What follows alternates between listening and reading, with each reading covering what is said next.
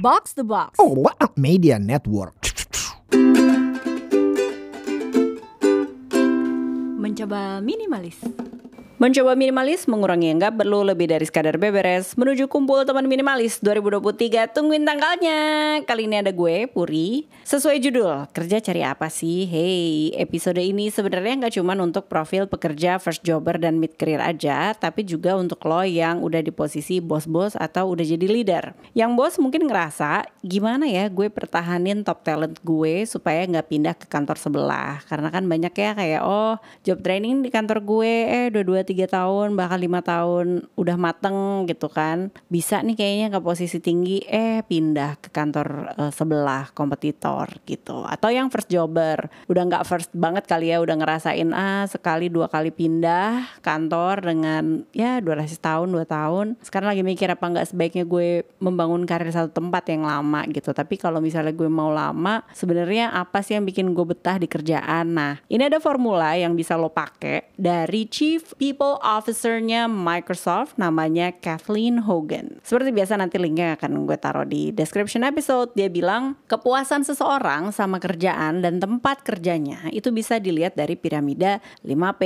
Bahasa kerennya adalah 5 P's of Employee Fulfillment memang terinspirasi dari piramidanya Maslow. Jadi memang bentuknya kayak segitiga gitu. Paling bawahnya nomor satunya adalah pay yang paling besar dan paling bawah gitu ya. P pertama adalah pay, artinya orang sama kerjaan tuh memang bisa punya motivasi yang beda-beda, tetapi dibayar layak adalah pondasinya. Gue harus kasih disclaimer dulu ya, bahkan untuk bagian paling bawah aja. Pasca pandemi, beberapa industri di Indonesia untuk bagian ini aja masih sangat berjibaku gitu ya. Ada yang masih kena potongan 25%, 10%, yang kalau misalnya karyawannya nolak, ya udah lo resign aja gitu. Bahkan nggak mau dipecat karena nggak mau ngeluarin pesangon gitu. Ini kan nggak enak sebenarnya nggak cuman untuk yang kerjanya sih. Menurut gue yang jadi bosnya juga kayak pening kepala gitu ya. Gimana biar tim gue semangat gitu ketika dibayarnya juga udah di bawah perjanjian gitu. Hangin there mudah-mudahan fase ini akan terlewati. Kalau sudah terlewati berarti PR-nya ada yang kedua. P kedua adalah perks atau tambahan fasilitas Dulu tuh Google sangat dilulukan banget zaman sebelum pandemi bisa makan siang gratis, sudah gitu makan siang kayak buffet hotel, terus sudah gitu ada layanan cuci atau laundry di kantor. Jadi kalau pulang kantor udah langsung bawa baju bersih atau rapi gitu, atau ada layanan antar jemput. Tapi ternyata baik di luar negeri maupun di Indonesia yang selalu jadi favorit adalah walaupun itu semua tadi yang gue omongin menyenangkan ya. Asuransi atau perlindungan kesehatan. Baru nyusul berikutnya adalah parental leave, cuti dibayar ketika lahiran, baik ayah maupun ibu. Nah durasi sih gue udah ngomong-ngomong lah ya Ada yang beda-beda Ada yang cuma tiga hari. Kalau ibu mungkin nggak nggak tiga hari amat lah ya Kalau di Indonesia. Kalau di Amerika segitu soalnya Ada yang seminggu doang gitu kan. Dan yang menarik adalah Adanya cuti untuk yang merawat anggota keluarga yang sakit Atau caretaker leave. Ini juga menarik Karena ada juga profil pekerja yang harus ngurus ibu bapaknya yang sudah sepuh. Mungkin mereka tinggal serumah Dan karena sudah sepuh banyak sakitnya Atau bahkan sakit keras Sehingga ada durasi misalnya sebulan harus fokus gitu ya ngejagain orang tua. Nah kalau cutinya dibayar ini akan bikin seneng lah gitu ya pekerja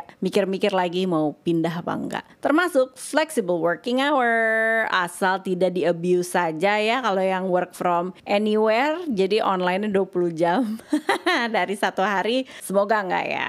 Nah, ini adalah elemen berikutnya, P ketiga yang make or break. Ketika udah di tengah piramida, ini adalah faktor penting yang bikin orang memutuskan pindah atau tinggal nih sama sebuah perusahaan, yaitu people kerja sama siapa dan kultur kantor itu kayak gimana? Apakah ada connection atau koneksi? Artinya koneksi itu bukan kenalan doang ya, ada kedalaman, ada interaksi yang lebih dari transaksional. Apakah lo ngerasa nyaman kerja sama orang itu? Apakah lo ngerasa disupport dan juga sebaliknya nggak cuma lo disupport aja, lo juga support orang lain. Apakah inklusif? Gak usah dibahas lagi lah ya, sexual harassment di kantor mah udah pasti nggak boleh gitu. Tapi sayangnya yang bare minimum aja masih berjibaku untuk beberapa industri. Mudah-mudahan itu nggak kejadian sama kantor kita. Berikutnya adalah pride. Yang keempat, ada kebanggaan ketika kita bergabung ke sebuah entity yang kemudian akan gue terusin nular ke yang terakhir yang kelima, posisi puncak di piramida.